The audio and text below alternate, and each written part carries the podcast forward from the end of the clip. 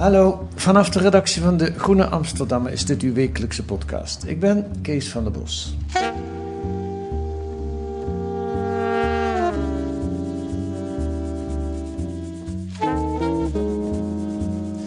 Als u een uitkering ontvangt, een bijstandsuitkering of een werkloosheidsuitkering, dan moet u aan allerlei regels voldoen. Als iemand geld naar u overmaakt, dan moet u dat onmiddellijk melden bij de sociale dienst. Maar, en nu komt het gekke, de sociaal rechercheurs van de gemeente, die controleren of u wel of niet jokt, die hoeven zich niet of nauwelijks aan regels te houden. Ze hoeven zelfs geen speciale opleiding te volgen. Hoe kan dat? En waar leidt dat toe? Dat onderzochten Marieke Rotman en Beliain Helbron sorry, van onderzoeksplatform Investico. En de hoofdredacteur van Investico, Thomas Muns, schrijft er deze week ook een analyse over in De Groene. En daarom zitten deze drie nu hier. Welkom in de podcast. Dank je. Dankjewel. Behalve in De Groene staat het verhaal ook in Trouw. En dat begint met de situatie van ene Peter. Uh, Marieke of Belia, wie van de twee heeft met Peter gesproken? Ja, ik. Nou, vertel het verhaal van Peter. Ja, de zaak van Peter kwamen we tegen via rechtspraak.nl. Je mag ietsje verder van de microfoon. ja, ja, verder. Ik kan iets verder zetten. Ja. Zo goed? Ja, prima. Dus de, de zaak van Peter kwamen we tegen via rechtspraak.nl. En die viel ons op omdat de gemeente een enorme waaier aan onderzoeksmethoden had ingezet. om te controleren of de vriendin van Peter wel recht had op bijstand. Wij uh, hebben, zijn uiteindelijk via zijn advocaat met hem in contact gekomen. En toen bleek dat de zaak eigenlijk nog wel wat schrijnender was dan we dachten. Peter is een uh, veteraan en zat op dat moment woonde hij alleen. Dus niet bij zijn vriendin met zijn twee kinderen. Omdat hij op dat moment zulke ernstige PTSS-klachten had dat hij dat niet aankon. Had hij, was hij uitgezonden geweest? Hij was uitgezonden geweest. Hij zei, ik liep op dat moment echt met mijn ziel onder mijn arm. Met één been stond ik nog in het gevechtsgebied en met het andere been was ik thuis. Hij, zijn ex-vriend, zijn vriendin, uh, kreeg een bijstandsuitkering voor, alleen, voor mensen die alleen wonen. Omdat Peter dus een eigen huis huurde en daar woonde. Ja. Om toch zijn gezin te kunnen zien, was hij natuurlijk ook wel eens over de vloer bij zijn vriendin en hun gezin een gemeenteambtenaar had hun samengezien en besloten een tip door te geven aan de sociale dienst. Die vervolgens besloot om een enorme scala aan onderzoeksmethoden in te zetten. Wacht even, de tip kwam van een ambtenaar? Ja, dus die kwam van binnen de gemeente zelf. Oké. Dat, is, dat gebeurt wel vaker. Soms is het bijvoorbeeld de, uh, de, de jobcoach van een bijstandsgerechtigde... die de bijstandsgerechtigde iets hoort zeggen waarvan diegene denkt... dat is best wel gek. Ja. Heeft deze persoon wel recht op bijstand? En die kan dan intern een melding doen zodat de handhaver of de sociale dienst daar verder mee aan de slag kan. Ja, oké. Okay.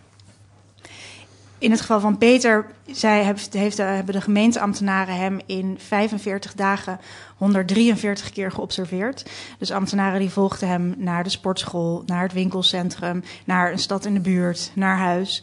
Uh, ze hebben bankgegevens opgevraagd van de afgelopen drie jaar. Ze hebben de leerplichtambtenaar van de kinderen ondervraagd. Watergebruik van het huis van de vriendin opgevraagd. Een geheime camera opgehangen die uh, hing in de die hing gericht naar de woning van zijn vriendin. Peter had het ook in de gaten op een gegeven moment. Ja, hij vertelde, en dat vond ik echt, uh, daar schrok ik ook een beetje van. Hij zei, we, we merkten op een gegeven moment dat we werden gevolgd.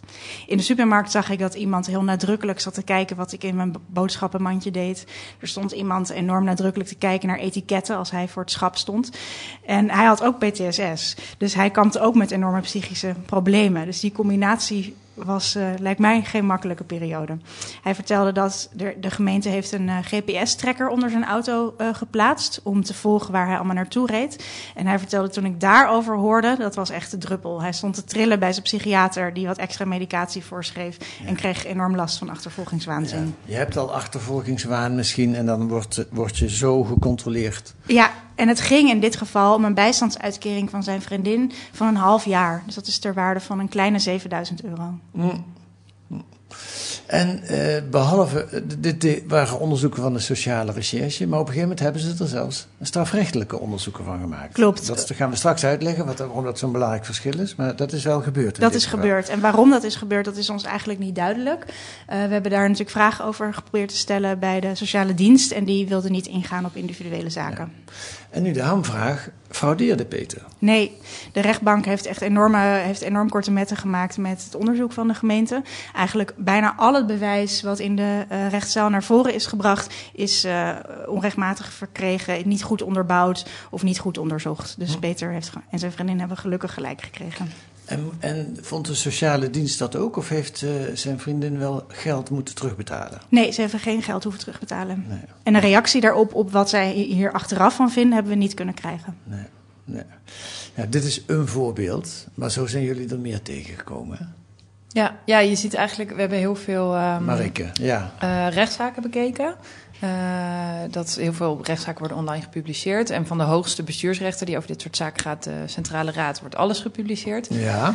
En we hebben daar een hele hoop van gelezen. En eigenlijk was het schering en inslag dat gemeenten werden teruggefloten om de uh, methode die ze gebruikten, omdat ze of iets niet goed onderbouwd hadden, of omdat ze het eigenlijk helemaal niet hadden mogen gebruiken, of omdat um, ze niet uh, ze gesjoemeld hadden met het bewijs. Dat ze bijvoorbeeld zeiden: Nou, we hebben geen um, versproducten aangetroffen in de koelkast van iemand. Dus het huis maakte een onbewoonde indruk. En vervolgens werd dan in de rechtbank nog een keer naar de foto's gekeken die ze hadden gemaakt. En dan bleek dat er daadwerkelijk wel versproducten in de koelkast lagen. Zag de, rechter, de rechter zag wel een versproduct. Ja, ja um, dus bleek dat ze eigenlijk uh, nou ja, dat bewijs hadden uitgesloten. Ja. Um, ja, zo zijn we ontzettend veel voorbeelden eigenlijk tegengekomen van dingen waarin de gemeente gewoon niet zo heel zorgvuldig of onrechtmatig zelfs omging met, uh, met het verzamelen ja. van bewijs. En hoe toevallig is het dat we het hier over samenwoononderzoeken hebben of vormen die ook de hoofdmoot van de onderzoeken? Ja, het grootste deel van de onderzoeken uh, gaat wel over de vraag waar iemand woont. En dat, kan dus, dat gaat vaak over samenwonen. Mm -hmm. um, dus over de vraag, uh, iemand, je krijgt een uitkering als alleenstaande. Dat kreeg de vriendin van Peter ook. Maar soms vermoedt de gemeente dat je stiekem toch samenwoont. Dan heb je eigenlijk recht op minder bijstand, want er is er nog een inkomen in jouw huis. Um, dus veel van de onderzoeken gaan daarover. Ja.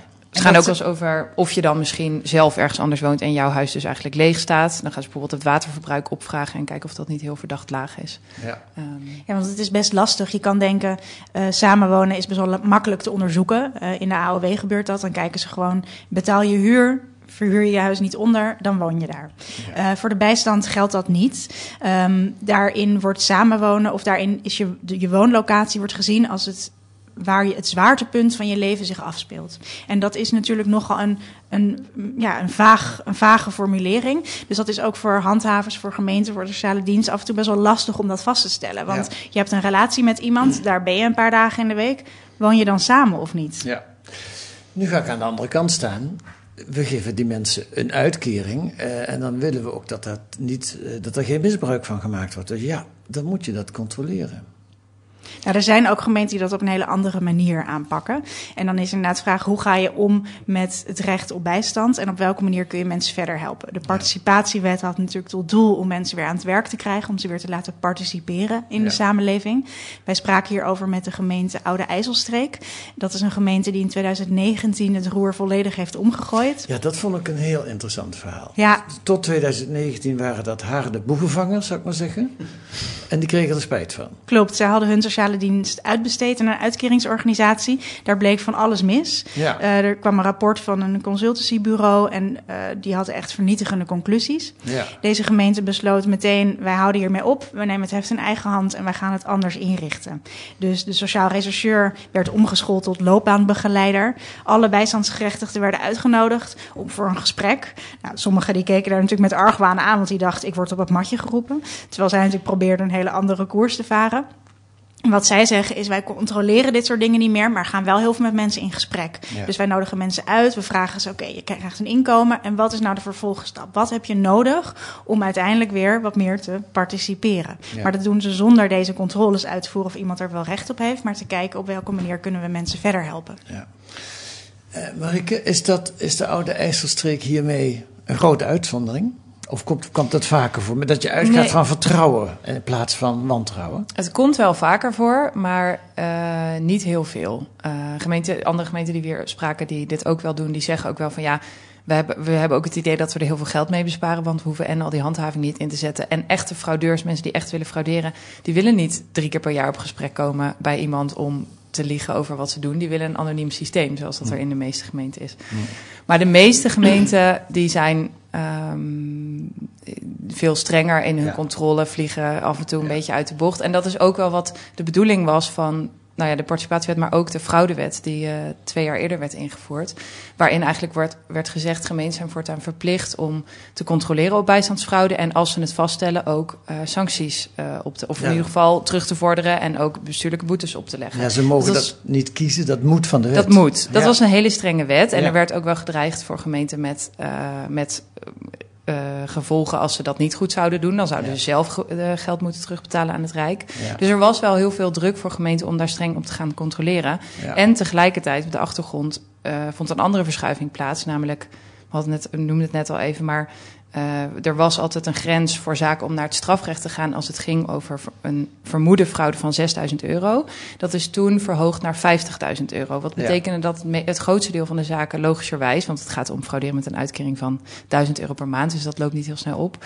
Uh, het, het, grootste deel van de zaken logischerwijs in het bestuursrecht terechtkomt. Ja. En daar hebben gemeenten dus veel meer vrijheid in welke methode ze inzetten, maar ook in hoe ze daarop controleren uh, er, wordt, er is zoiets als vrije bewijsleer. Dus je mag zelf een beetje kiezen welk bewijs je verzamelt en wat je daaruit meeneemt in ja. je uiteindelijke conclusie. Dus je hoeft niet om uh, belastend uh, of ontlastend bewijs mee te nemen. Um, dus dat is voor gemeenten kregen daarmee ook veel ja. meer vrijheid om streng ja. te gaan toetsen. Ja. ja. nou daar gaan we het uitgebreider over hebben. En dan, dan ga, wend ik mijn blik naar uh, Thomas. Er zit er niet helemaal van niks bij, Thomas. Daarover schrijf jij ook een aparte analyse deze week in De Groene. Maar uh, laten we even beginnen met, je hebt bestuursrecht, je hebt strafrecht. Maar wat maakt het allemaal uit? Het gaat toch allemaal om rechtspraak? Ja, nou ja, dat is dus het gekke. Je hebt in, in Nederland... Um, zoiets dat heet bestuursrecht. Dat is die tak van de rechtspraak die uh, zich in feite uh, bemoeit met uh, alle interacties tussen een overheid en een burger, of een overheid en een bedrijf. En um, het vreemde is eigenlijk dat die. We komen het steeds tegen bij onderzoeken van Investico. En zowel Marike Asbelia heeft al in eerdere onderzoeken gezien hoe dat, hoe, dat, hoe dat niet klopt en hoe er allerlei dingen miszitten. We hebben het natuurlijk eigenlijk ook gezien met de toeslagenaffaire. En het vreemde ja. is, het is een vorm van rechtspraak die, om het even heel simpel te zeggen, um, er eigenlijk is om te kijken of de overheid het allemaal procedureel wel netjes gedaan heeft.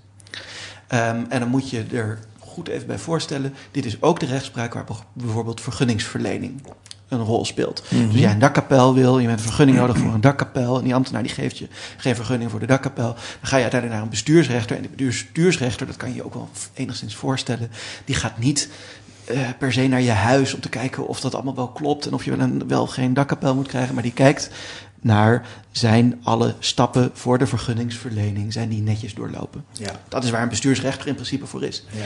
Maar ja, je kan er nog veel meer onder scharen en er, er zit veel meer onder dan alleen um, dakkapellen. Namelijk ook bijstand. Ja, het gaat om levens van mensen eigenlijk. Het gaat echt om levens van je mensen. kunt, als je 50.000 euro... En laten we, laten we uh, een man een man, een paard een paard noemen. Het gaat om levens van arme mensen. Ja. Het gaat uh, om levens van mensen die een, een kwetsbare en gemarginaliseerde positie hebben in ja. de samenleving. Ja. Wat niet wegneemt dat ze niet mogen fraude frauderen. Nee, natuurlijk mag je niet frauderen, maar je mag bijvoorbeeld ook niet uh, mensen doodmaken. Uh, je mag niet uh, mensen bestelen.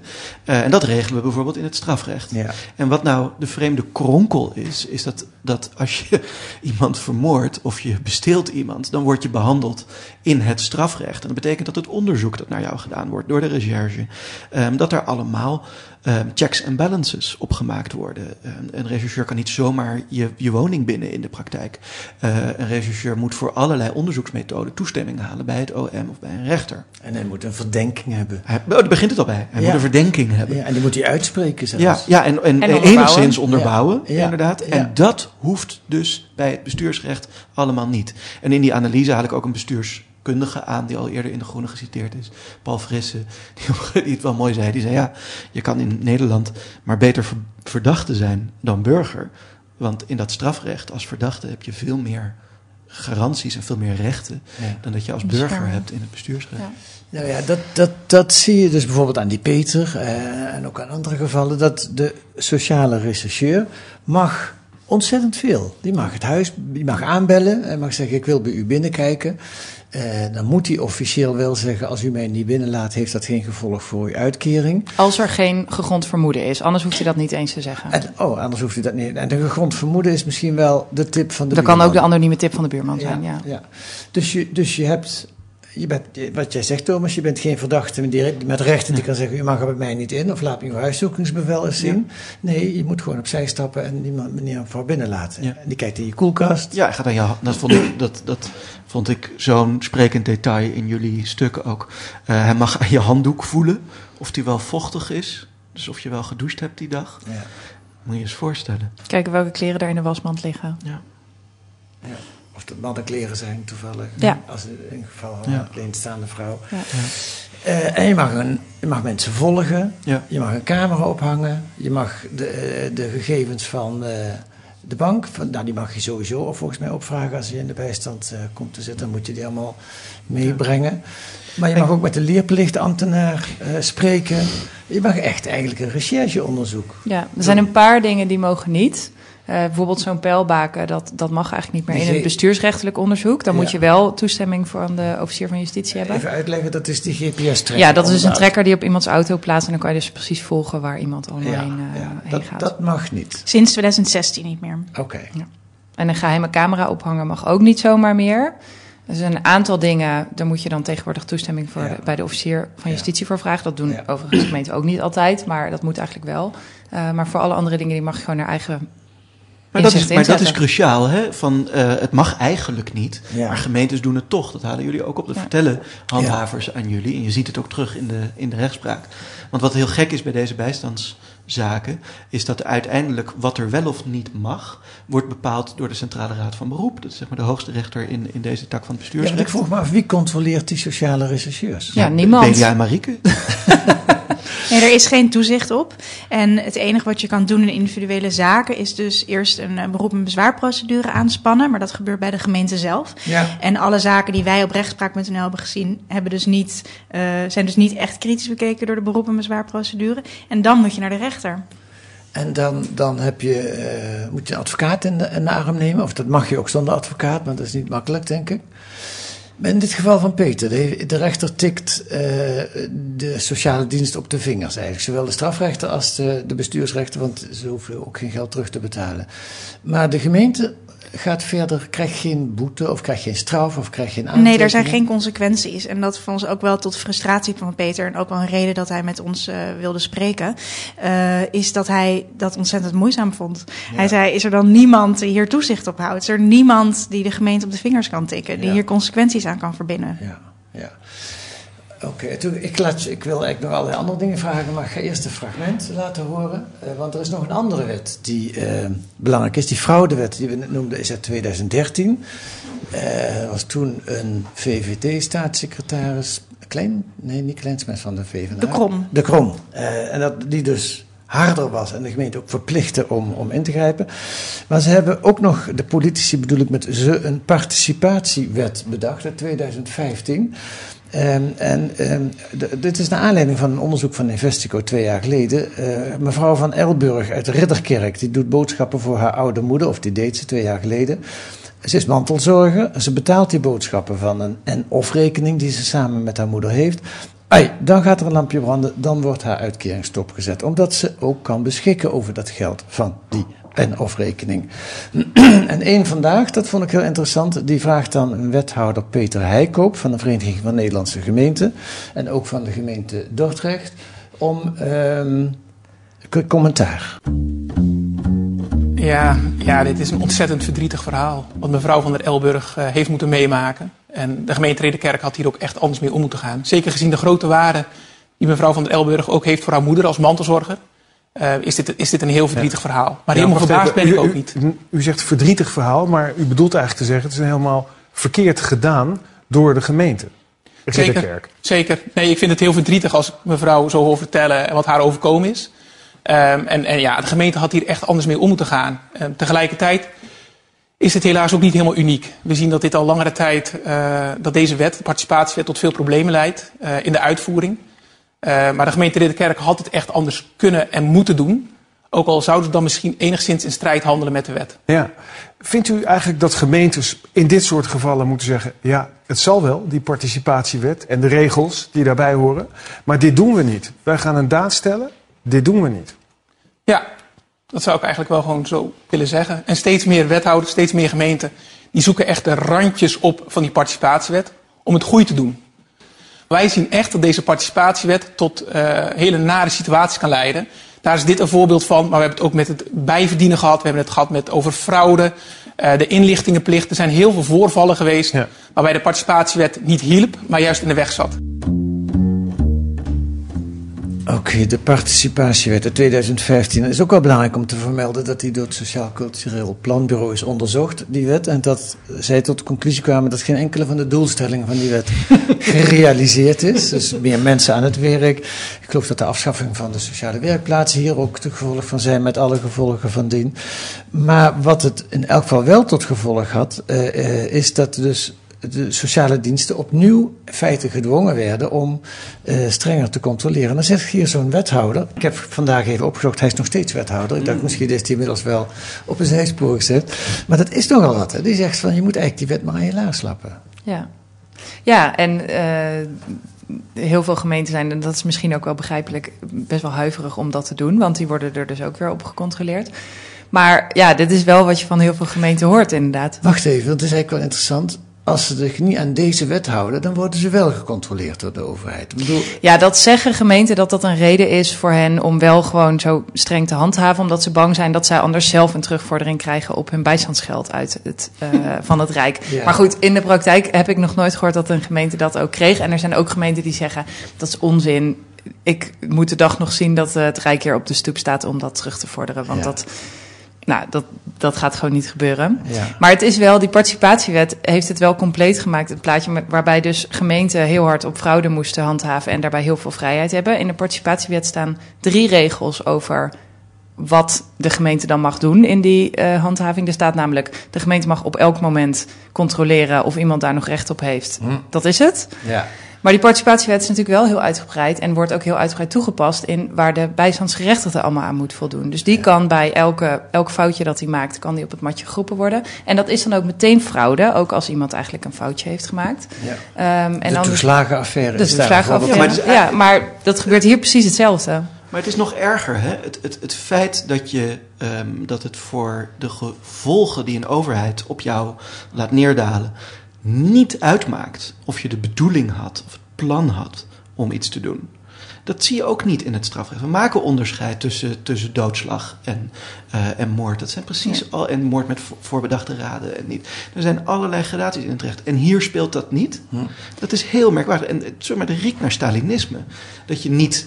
Het was onder Stalin. Dat jij niet mocht bepalen of jij een vijand was voor de, voor de revolutie of niet. Hm. Dat, dat bepaalde uh, meneer Stalin zelf wel. En dan is het ook nog eens aan jou om te bewijzen dat je wel onschuldig bent. In plaats van. En dat is, een, ja, dat is echt een omkeer van, van, van ja. hele belangrijke um, grondslagen van de rechtsstaat. Ja, want laten we even weer naar het geval van Peter gaan. De gemeente vordert dat geld terug. En dan is het aan Peter om te bewijzen dat dat onterecht teruggevorderd is. Ja, dat klopt. En daar gaat dan echt een procedure van drie jaar overheen. Want Ja. de, rechtspraak heeft hier vorig, de rechter heeft hier vorig jaar uitspraak over gedaan. En dit speelde zich allemaal af in 2017, 2018. Ja, en dit doen we zo gemakkelijk, denk ik dan, omdat het om arme mensen gaat. Als het om rijke belastingfraudeurs zou gaan, zouden we vast. Nou ja, dan maakt het niet zoveel uit dat je advocatenkosten niet vergoed worden. Nee. En dat is natuurlijk ook het punt. Je kan je ook voorstellen dat uh, voor iedere ondernemer die een, die een um, vergunning wil hebben voor zijn terrasverwarmer, dat die, als hij dat per se wil, dat hij ook zijn advocaat wel kan betalen. Of dat zijn, zijn juridische bijstandsverzekering dat wel vergoedt. Hm. Maar, maar hier, deze mensen, uh, is ook besloten dat ze, um, dat ze geen uh, advocatenkosten vergoed Ja. gaan krijgen. En het is, je moet denk ik, maar ik ben ook benieuwd hoe, hoe Marike en Belia er ook naar kijken. Maar het is niet mijn indruk dat, er, dat het allemaal zo bedoeld en bedacht is. Um, er was niet een groot vooropgezet plan om de arme mensen in Nederland stapje voor stapje hun rechten te ontnemen. Er zit geen reptielen achter, bijvoorbeeld. Nee, er zit, niet, er zit, geen, er zit geen genius achter. Um, het is eigenlijk in die zin nog wat erger.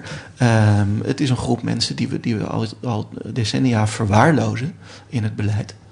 Ehm, en het is vanwege die verwaarlozing dat, dat iedere opeenvolgende staatssecretaris zegt van... God, kunnen we daar niet nog een klein post, eh, kostenpostje af eh, ehm, bezuinigen? Er is niemand die voor die mensen opkomt. En, en ze kunnen ook echt niet meer voor zichzelf opkomen, zo 1, 2, 3. Maar het, het, het, het, nou ja, er zijn nog twee dingen die ik met jullie wil bespreken. De ene is, en dan kijk ik vooral naar eh, Marike en Belia, het onderzoek. Hoe, hoe moeilijk is dit nou om dit te onderzoeken? Hoe, hoe hebben jullie het aangepakt? Ehm, nou, het volgt een beetje uit het eerdere onderzoek wat ik met Carlijn Kuipers heb gedaan naar eh, eigenlijk de andere kant. Dus de kant van de eh bijstandsgerechtigde die een terugvordering krijgt eh, omdat hij ergens een foutje maakt of omdat hij eh, iets niet kan aantonen. Daar hebben jullie het ook over in de podcast verteld, twee jaar geleden. Ja, ja. klopt. Ja. En um, uh, was een jaar geleden trouwens, volgens Oh, mij. Maar goed, ik wil gaat even snel. confronterend hoe lang dit al geleden is. goed, sindsdien zijn we bezig Ja. met dit onderzoek. Ja. Uh, want toen, toen viel ons ook al wel op van... hé, hey, er zijn allemaal um, uh, gekke methoden die de gemeente gebruikt... en mag dat dan zomaar en hoe zit dat en wie controleert die mensen dan? En um, nou, toen ben ik met Belia eigenlijk daarna gaan kijken. En um, aan de ene kant hebben we geprobeerd om zoveel mogelijk sociaal rechercheurs en handhavers te spreken. Dat was best moeilijk, want die kunnen over het algemeen mogen van hun gemeente niet met ons praten. Dus... Als, je, als je gewoon belt met de gemeente en zegt, uh, mag ik de afdeling sociale recherche? En, uh, nou, dat hebben we eigenlijk niet eens geprobeerd, want uh. dat leek onze kansloze missie. Ja. Dus we hebben gewoon mensen benaderd van wie we konden vinden op internet dat zij sociaal rechercheur waren. LinkedIn was hier handig bij, ja. geloof ik, hè? Ja. Ja, ja, ja. En we hebben ook trouwens wel de vakvereniging uh, benaderd, maar die konden ons ook niet verder helpen. Daar meldde niemand zich die wel met ons wilde praten. Okay. Um, dus dat was iets. We hebben dus naar die rechtszaken gekeken om te kijken wat gebeurt er in de rechtszaal en wel, hoe oordeelt de rechter over de methode die de gemeenten gebruiken. Ja. Ja, en we hebben best wel uitgebreid geprobeerd om mensen te spreken die hier, die zelf aan zo'n onderzoek, die zo'n onderzoek hadden gehad uh, als bijstandsontvanger. Uh, maar dat was heel moeilijk, want daar zijn mensen gewoon heel terughoudend mee om daarover te praten. Omdat het en een vaak een moeilijke periode was. En vaak wonen ze nog steeds in die gemeente, dus krijgen ze daar nog steeds bijstand. Of zijn ze op de een of andere manier nog steeds afhankelijk van die gemeente. Dus zijn ze ook wel begrijpelijk uh, terughoudend daarmee. Beetje bang ook. Ja. Ja, in zo'n afhankelijke positie is dat niet ja. gek. Hoe vaak komt het voor in Nederland? Ja, dat is heel moeilijk te zeggen. Um, er zijn, wordt eigenlijk niet, landelijk cijfers bijgehouden over hoeveel uh, fraudezaken gemeenten voeren of hoe vaak ze terugvorderen of hoe vaak ze constateren dat er fraude uh, is. Dat wordt alleen door gemeenten zelf bijgehouden. Um, dus er zijn eigenlijk geen centrale cijfers over hoe vaak het fout gaat. En dus ook niet, of uh, hoe vaak zij fraude constateren. Nee. Dus ook niet over hoe vaak het fout gaat. Dus hoe vaak gemeenten worden teruggefloten door. Oké, okay, maar zijn er wel cijfers van een gemeente die zegt van bij ons is het zo vaak uh, gebeurd afgelopen jaar? Ja, er zijn wel gemeenten, maar dat weet ik even niet uit mijn hoofd. Er zijn wel gemeenten die dit in hun jaarverslag publiceren. En dan ook zeggen van nou zoveel kwam voort uit een anonieme tip. Zoveel ja. kwam voort. Dat is dan vaak een heel groot deel overigens. Ja. ja. Um, dat is er wel wat, maar dat doen heel veel gemeenten ook niet. Nee, en een totaal overzicht ontbreekt dus. Nee. Was, dit Nee. nou, was dit nou een moeilijk onderzoek? Ik denk dat het tot op zekere hoogte wel een moeilijk onderzoek was. Anderzijds zijn, de, zijn dit ook wel onderzoeken die, elke, die de meeste gemeenten zo vaak uitvoeren. Dat het me toch ook weer heeft verbaasd ehm, hoeveel zaken er eigenlijk zijn. Dus dat is een beetje tweeledig, denk ik. Het was lastig om te spreken met handhavers en sociaal rechercheurs. Wat wel heel belangrijk was, dat we gewoon even een blik kregen in hoe ga je te werk? Wat zijn de afwegingen die je maakt? Welke keuzes maak je? En dat liet heel mooi zien hoe verschillend die afwegingen ook zijn. En hoe verschillend mensen met hun werk omgaan. En de vrijheid die ze daar ook in hebben. Ah, jullie hebben sociaal rechercheurs gesproken. Ja. An- Anoniem, er zat er geloof ik Ja. geen één met naam. Wat, had je, wat vonden die van, van jullie bezigheden? Als je met, eh, wat hadden jullie voor indruk van zo'n sociaal rechercheur? Wat voor mensen zijn dat? Ja, dat zijn de mensen die wij spraken.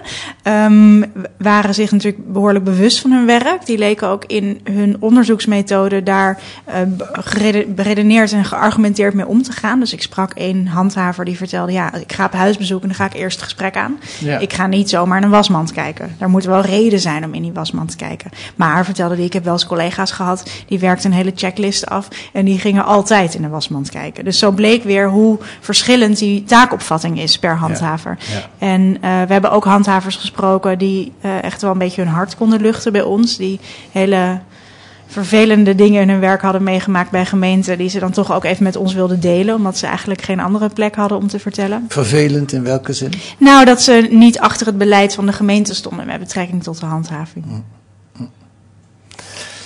Oké, ehm, nou volgens mij heb ik daar dan wel een, eh, een, een beeld van. Eh, tot slot dan gaan we naar de oplossing. Daar mogen jullie daar ook wat over zeggen, maar dan kijk ik eerst naar Thomas. Eh, het, het, lijkt gewoon structureel, wettelijk onrechtvaardig geregeld te Ja. zijn. Met Ja. andere woorden, de regels moeten veranderen. Ja. Ja, ik heb in die analyse voor de, voor de Groenen breek ik een lans voor het, in feite het afschaffen van het bestuursrecht zoals het nu bestaat. En in zekere zin sta ik daar niet alleen in. Dat, dat er zijn, eh, dit is een discussie naar aanleiding van de toeslagenaffaire. eh, waar ook eh, hoge, hoge rechters en hoge bestuursrechters eigenlijk zeiden van... ja, het is in Nederland gewoon fundamenteel niet goed geregeld op deze manier. We moeten daar een, een, een slag in maken. Wat bijvoorbeeld zo, zo merkwaardig is, het is een beetje symbolisch, maar het is ook heel merkwaardig dat de hoogste rechter in het bestuursrecht, die zit niet bij de Hoge Raad, dus niet bij de, die valt niet onder de hoogste raad in de rechtspraak, maar die zit uiteindelijk bij de Raad van State. Dat is uiteindelijk het hoogste orgaan eh, van, van eh, de uitvoerende macht, eh, dus van de regering en de, en de kroon. Dat, is, dat, dat, dat moet je daar weghalen. Die moet over zichzelf oordelen. Ja, ja, daarom. Dus dat klopt allemaal niet. Dus dat moet, Ja. dat moet je zuiverder regelen. Ja. Ehm, en uiteindelijk is het een, een. Dus dat is echt stap één om het zuiver te regelen en het, en het netjes te regelen. Maar ook gewoon, kijk gewoon heel praktisch. Wat gaat hier mis? Nou, mensen kunnen niet goed in bezwaar, want ze hebben geen toegang tot advocatenkosten. Oftewel, ga de sociale advocatuur weer, weer beter betalen. Het zijn. ehm, vraag jezelf en. en Waar ik van schrik is omdat het zo'n ontzettend simpele democratische vraag is. Waarvan je dacht van nou dat hebben we toch sinds de 18e eeuw met z'n allen wel, wel een beetje overeen dat je er op die manier maar naar moet kijken. Kunnen deze burgers zich verweren op het moment, in de praktijk? Hè? Kunnen ze zich in de praktijk verweren als de overheid ze in de tang neemt? En iedere keer dat je moet constateren, nee dat kan niet, dan moet je daar ehm, vanuit de overheid ook geld en middelen voor vrijmaken, zodat ze dat wel kunnen doen. En echt, mijn punt is ook, want we zagen dit bij de toeslagenaffaire. We hebben het gezien bij een ander onderzoek van BDA naar ehm, hoe het UWV tekeer gaat. We hebben het eerder gezien in het onderzoeken van Marieke. Ik heb zelf veel onderzoeken gedaan naar, naar burgers met schulden. Iedere keer gaat het hierop mis. En een, ook een mooi coververhaal in De Groene gaat er helemaal niks aan veranderen. Totdat we die mensen rechten geven. En als we dat niet doen, ja, dan, dan, dan heeft het geen zin. En dat vond ik ook treffend van een van de sociale rechercheurs of handhavers die jullie spraken in dat stuk. Die zei, ja, god, nu, nu is het een beetje, hè, naar aanleiding van, van die toeslagenaffaire, ehm, moeten we allemaal wat liever zijn. Ehm, maar binnenkort moeten we weer strenger zijn. Ja. Ja, en als je dat niet verankert in mensen hun rechten, dan blijven ze dus afhankelijk van de bestuurlijke mode, zoals jullie ook Ja. opschrijven. Dat is, dat is zo verkeerd. Ja, hoe de wind waait. Maar even praktisch, schaf het bestuursrecht af. Ja, ja oké, en dan? Nou, eh, dat betekent dat je, eh, ik zeg het bestuursrecht zoals we het nu kennen. Ja. Natuurlijk moet er, is, moet er bestuursrecht zijn, maar kijk daarvoor naar, naar ehm, ehm, landen die dat in die zin netter geregeld hebben, zoals, eh, ehm, hoe heet het, zoals de Anglo-Saxische landen. Ja, je moet gewoon hierin, het kan niet zo zijn dat je in het bestuursrecht een omgekeerde bewijslast hebt. Dus draai hem weer om. Ja. Als je wil bewijzen dat iemand fraude heeft, nou, dan moet je aan dezelfde eisen voldoen als iedere andere overheid die iemand beschuldigt. We moeten dat ook gewoon gaan zien als een beschuldiging Ja. en niet als een bestuurlijke controle, bestuurlijke Ja. controle of maatregel. Het gaat gewoon heel sterk in, leg nou die, die, die papieren wettelijke werkelijkheid eventjes langs de praktijk en Ja. kijk dan welke check and balance moet je, moet je inbouwen. Toets die dossiers dus ook wel inhoudelijk. Kijk nou gewoon eh, direct al, dus je moet direct niet naar een bezwaarcommissie van de gemeente, maar kijk direct bij een onafhankelijke rechter die gewoon gaat kijken. Nou, als jij zegt dat er geen kropsla in de, in de koelkast ligt, laat me die foto's dan maar zien. Gewoon zoals een rechter dat in andere zaken ook doet. Het is ook een vorm van, van democratische volwassenwording eh, voor dit land. Ja, ja. Ja of, of doe het als de gemeente Oude IJsselstreek en, en eh Nee, gooi, gooi- nee, nee, nee, nee, nee. Nee, nee want die, dat is, sorry, nee, nee, Ja. nee, doe dat niet. Dus Het is heel fijn, het is echt ook heel fijn. Maar het is zo afhankelijk van een wethouder en een, en een samenstelling van een college en bestuurlijke mode. Het is echt, het is heel goed wat ze in, in Oude IJsselstreek doen. Maar die mensen zijn nog steeds leidend voorwerp. Ja. Ze hebben nog steeds geen rechten. Ja. Ze gaan daaruit van vertrouwen in plaats van wantrouwen. Ja, maar, maar- mocht, het, mocht het misgaan... Vertrouwen is goed, maar controle is beter. Ja, ja, ja, ja. Nee, heel goed. Ehm, Marike en Belia, ehm, jullie krijgen het laatste woord, maar wat zal ik eens vragen? wat, wat, heeft, je, wat he- heeft het je verrast eigenlijk, wat, wat, je, wat jullie gevonden hebben? Ja, echt enorm. Ook al had ik het dus in een eerder onderzoek ook wel een beetje gezien. En Belia volgens mij ook wel. Maar nou, wat, wat ons volgens mij allebei heel erg verraste was... normaal gesproken schrijf je een onderzoek en dan... eh, in de laatste fase heb je het allemaal op papier. En dan ga je eens kijken terug naar je bronnen om te kijken van... Nou, hebben we dit nou allemaal goed opgeschreven? Klopt dit wel echt? Is het wel echt zo stellig als we het nu neer hebben gezet? En vaak is dat een fase waarin je gewoon het een en ander nog wat moet nuanceren. En blijkt er toch wel ergens een controlesysteempjes in ingebouwd. Of toch wel over na zijn gedacht. En dit was gewoon een onderzoek waarbij dat eigenlijk niet aan de orde was. was gewoon alles was even erg als we dachten of nog erger. Ehm, en dat was wel een doorlopende bron van verbazing. Klopt, geldt het ook voor jou, Belia? Ja, zeker. Ja. En het heeft me ook wel verbaasd. En dan zit dat dan meer aan de kant van de bijstandsontvangers. ehm, welk groot gedeelte van, alle, van, van bepaalde rechten je uit handen geeft. Dus het recht op privacy in je eigen huis. Dat je handhavers moet binnenlaten als er een vermoeden is dat je misschien te vaak bij je partner bent. Of je partner te vaak bij jou. Dat die binnen mogen komen. Dat die kunnen rondkijken. Eh, dat je gegevens opgevraagd kunnen worden. Je afvalgegevens, je waterverbruik. Dat zijn allemaal best wel, wel best wel een beetje een inbreuk op je leven. Dat ze kunnen rondvragen in de buurt. Van eh, is diegene er vaak of is die er eigenlijk nooit. Dat werkt ook al meteen heel stigmatiserend. En daar heb ik me ook wel ontzettend over verbaasd. Ja. Goed, Belia Heilbron en Marike Rotman, dank wel voor jullie onderzoek en aanwezigheid hier. En Thomas Muns, eh, de hoofdredacteur van Investico, ook bedankt. Dankjewel.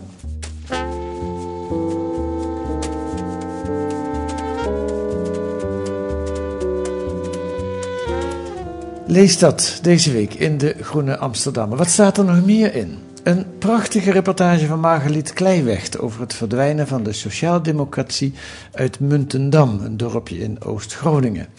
Met de toenemende welvaart doofde ook in dit arme rode dorp het socialistische vuur. En een essay van Thijs Leijster over acid communism. Wat zou dat nou weer zijn? Volgens de cultuurfilosoof leidt dit tot. Weet jij dat, Thomas, wat het is? Acid communism? Asset als in LSD of als in assets? Als in, Ik eh, asset. Ik denk, ik dacht aan. Nee, asset. allebei Kom, nee, nee, nee, nee, Oh. asset. Als in, een gemeenschappelijke verbeelding kan ons redden. Ach, oh, dat is dat. Ja, ik weet het niet hoor. Dat is, eh, ehm, dat, is dat idee dat, dat wat tussen ons en de re- revolutie staat, de verbeelding is. Ja, Ja, Ja. Moi. maar nou, jij moet het zeker Ik lezen. weet niet of ik daarmee eens ben als persoon. Goed, dat is een essay van Thijs Leijsters. Dat staat deze week in De Groene. Hoe kunt u dat lezen? Natuurlijk met uw abonnement. Kan ook met een proefabonnement. Ga dan naar groene.nl. 10 weken De Groene voor 15 euro. Dat wordt daar uitgelegd. Wilt u reageren op deze podcast? Dan kan dat per mail. podcast.groene.nl En volgende week zijn we er weer met analyses en achtergronden bij het nieuws in deze podcast van de Groene Amsterdammer, die deze week werd gemaakt door Merwe Usdemir en Kees van Bos. En de muziek is A Tune for N van Paul van Kemenade.